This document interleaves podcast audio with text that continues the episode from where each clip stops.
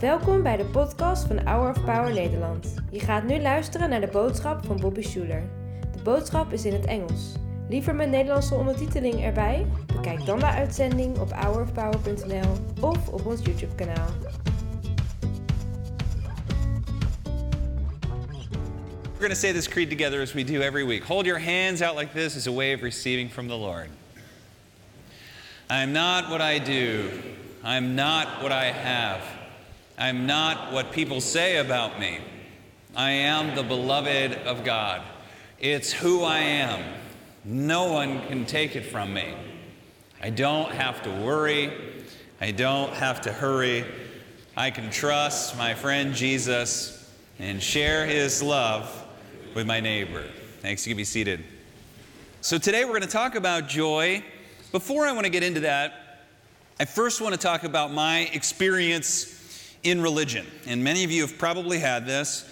As a young guy, especially when I first kind of discovered faith for myself, I bounced around a lot of churches, and some were really loving and sweet, some were not. And many churches seemed to use shame as a way to draw you closer to God. And I would even say that there were times where I thought, man, the times I'm closest to the Lord are these times when I'm weeping and repenting, and many of you have had that experience. But here's the problem with that in order to repent, you have to sin, right? You got to make some mistakes.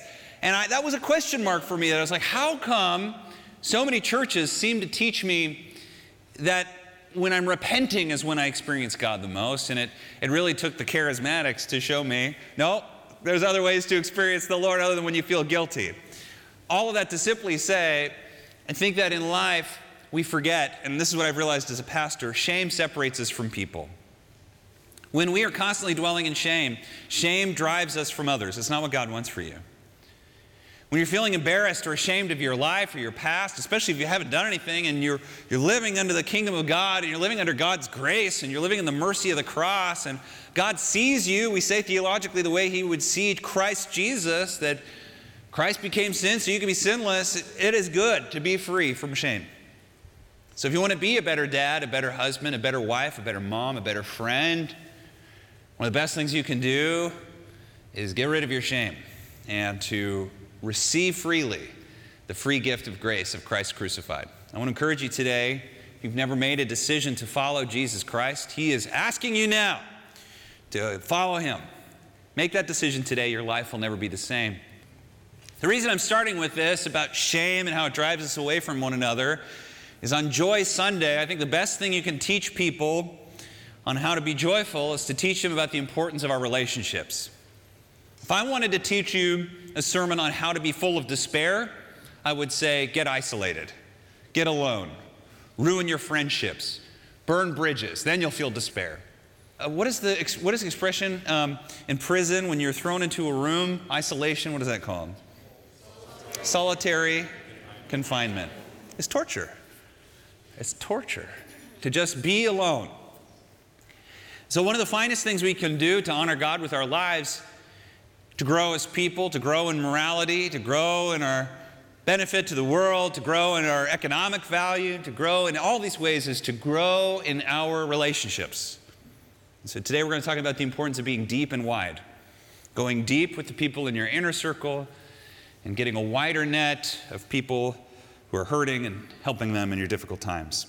So It's not just about crossing the finish line, it's about crossing the fi- finish line with people who love you and people you love. And that leads us to a famous birthday party, not really on a birthday, but in Bethlehem that happened about 2,000 years ago. Starts with a villain. His name is Herod. Herod in Jesus' day, a famous guy internationally. He'd be considered today a worldwide celebrity he would be like some great business titan. Maybe we would think of a billionaire. That's not altogether good or bad. You can probably think of four or five. He would have been like that. His name was now Herod the Great. He was crowned the king of the Jews by the Senate in Rome. And the irony is that he wasn't Jewish. He was an Edomite who was related to the Jews. But he married a Jewish princess, and that sort of gave him legitimacy. But he always felt sort of like he wasn't really the king of the Jews, and this seemed to drive a lot of his craziness in his story.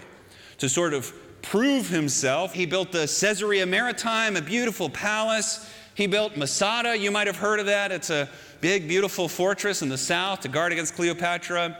Many famous buildings. Built the great temple, the foundation of which is still there today. And he built this building, the Herodium. This is where he lived most of the time. It was named after himself, and it was a fortress slash palace with servants and water. He was called Herod the Great because he was such a great builder. But he was evil. He killed that princess, he murdered her, he murdered multiple family members. He probably murdered a lot of other people we've never heard of, and he was an isolated, frankly, nutcase.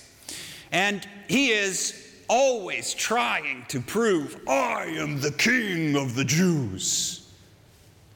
One day, a group of mystics from the east, a thousand miles away, have come in a huge caravan because they've seen a star and they were told that the king of the Jews was born this day. So they follow the star, they travel. And it would have, I like this picture because it really shows us what it would have looked like. It wasn't like three guys, it would have been an entourage. And as they come in, they burst open the doors of Jerusalem, they march to the center of town, and they ask the question We have come, O king, a thousand miles to be here to ask you this question.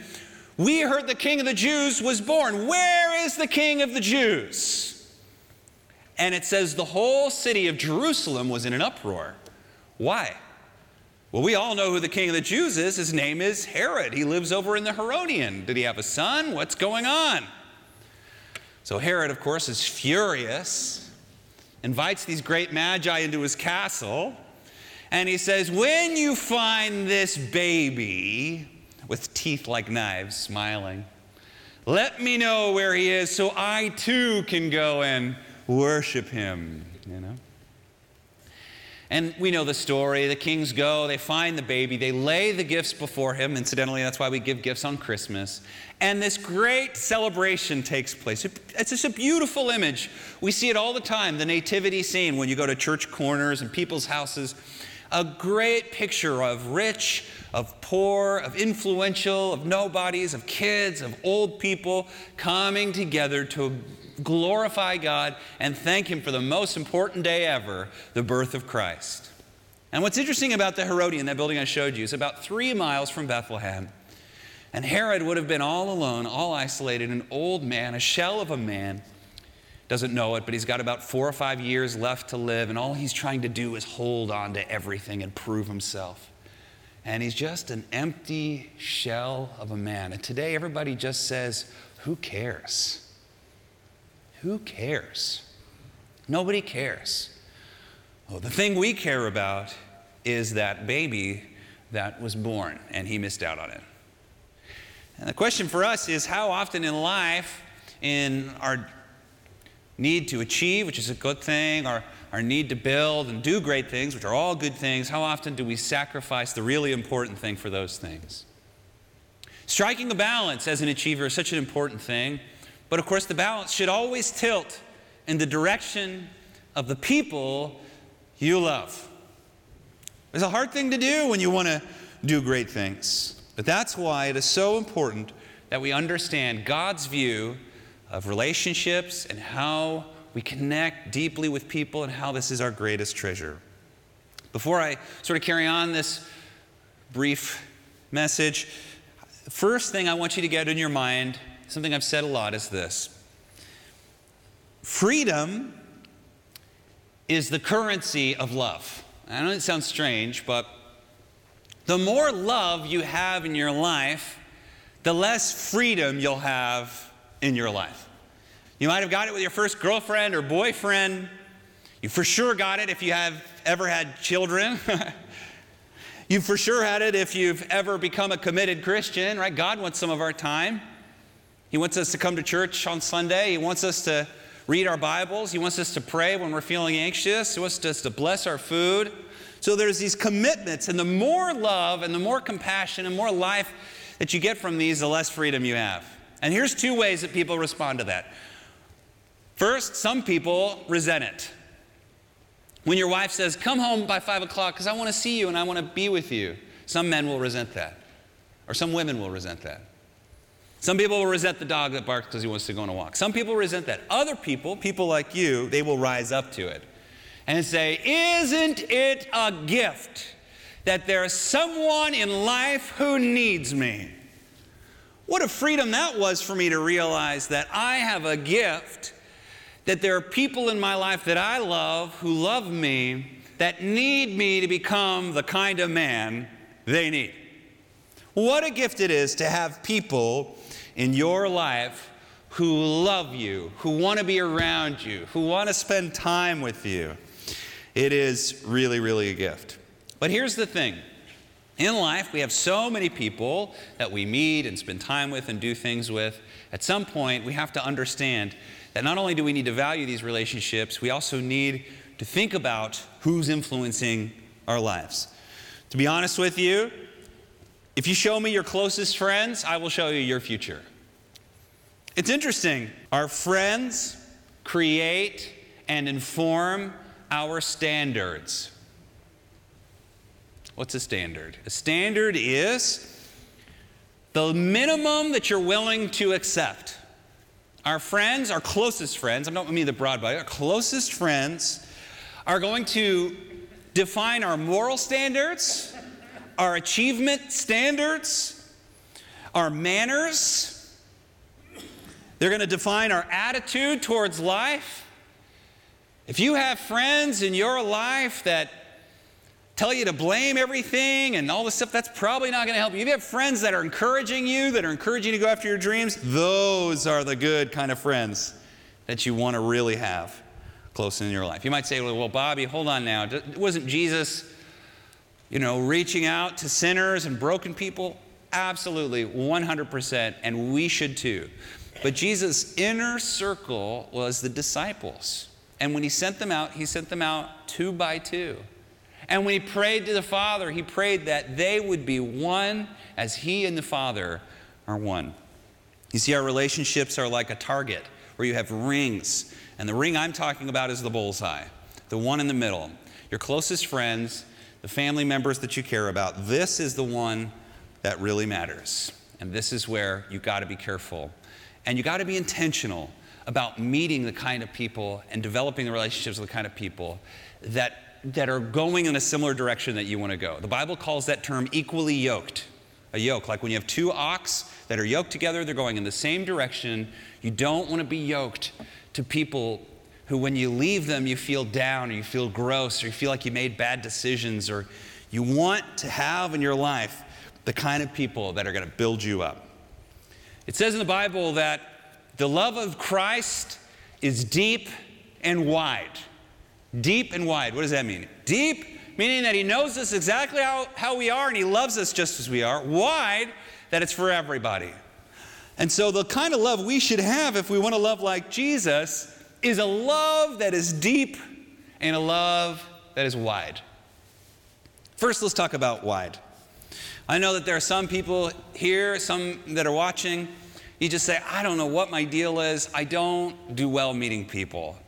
Can we just say that pretty much everything in life, but especially this, it's a skill. Meeting people, meeting new people, growing your network, and this type of thing. It's about growing as a person. Yes, there are books you can read and things you could do to learn more, but here's something that I heard that was interesting from a guy named Jim Rohn. He defined this Bible verse, I've heard it a million times. It was so interesting to hear it this way. There's a Bible verse that says, God sees the heart, but man sees the outside. Now, there's something we can learn. That, yes, God sees the heart, and we say, but man sees the outside. And we say, well, man shouldn't look at the outside, they should look at the, the, the heart.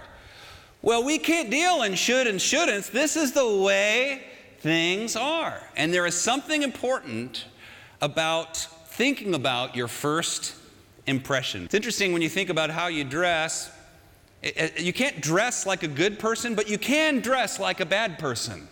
Isn't that interesting? You can dress like a gang member. You can dress like someone who's going to mug somebody. So don't dress that way. See, these are things that very often we don't understand.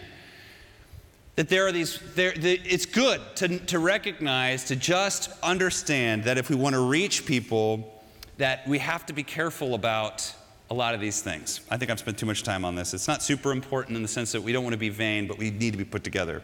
And don't forget that people love to talk about themselves. People love to talk about themselves, especially kids. So, very often when we meet someone and we're excited, we say, someone says, I recently went to Mammoth. And you want to say, I've been to Mammoth too, right? But the better thing to say is, tell me more about Mammoth. Okay, so that's wide.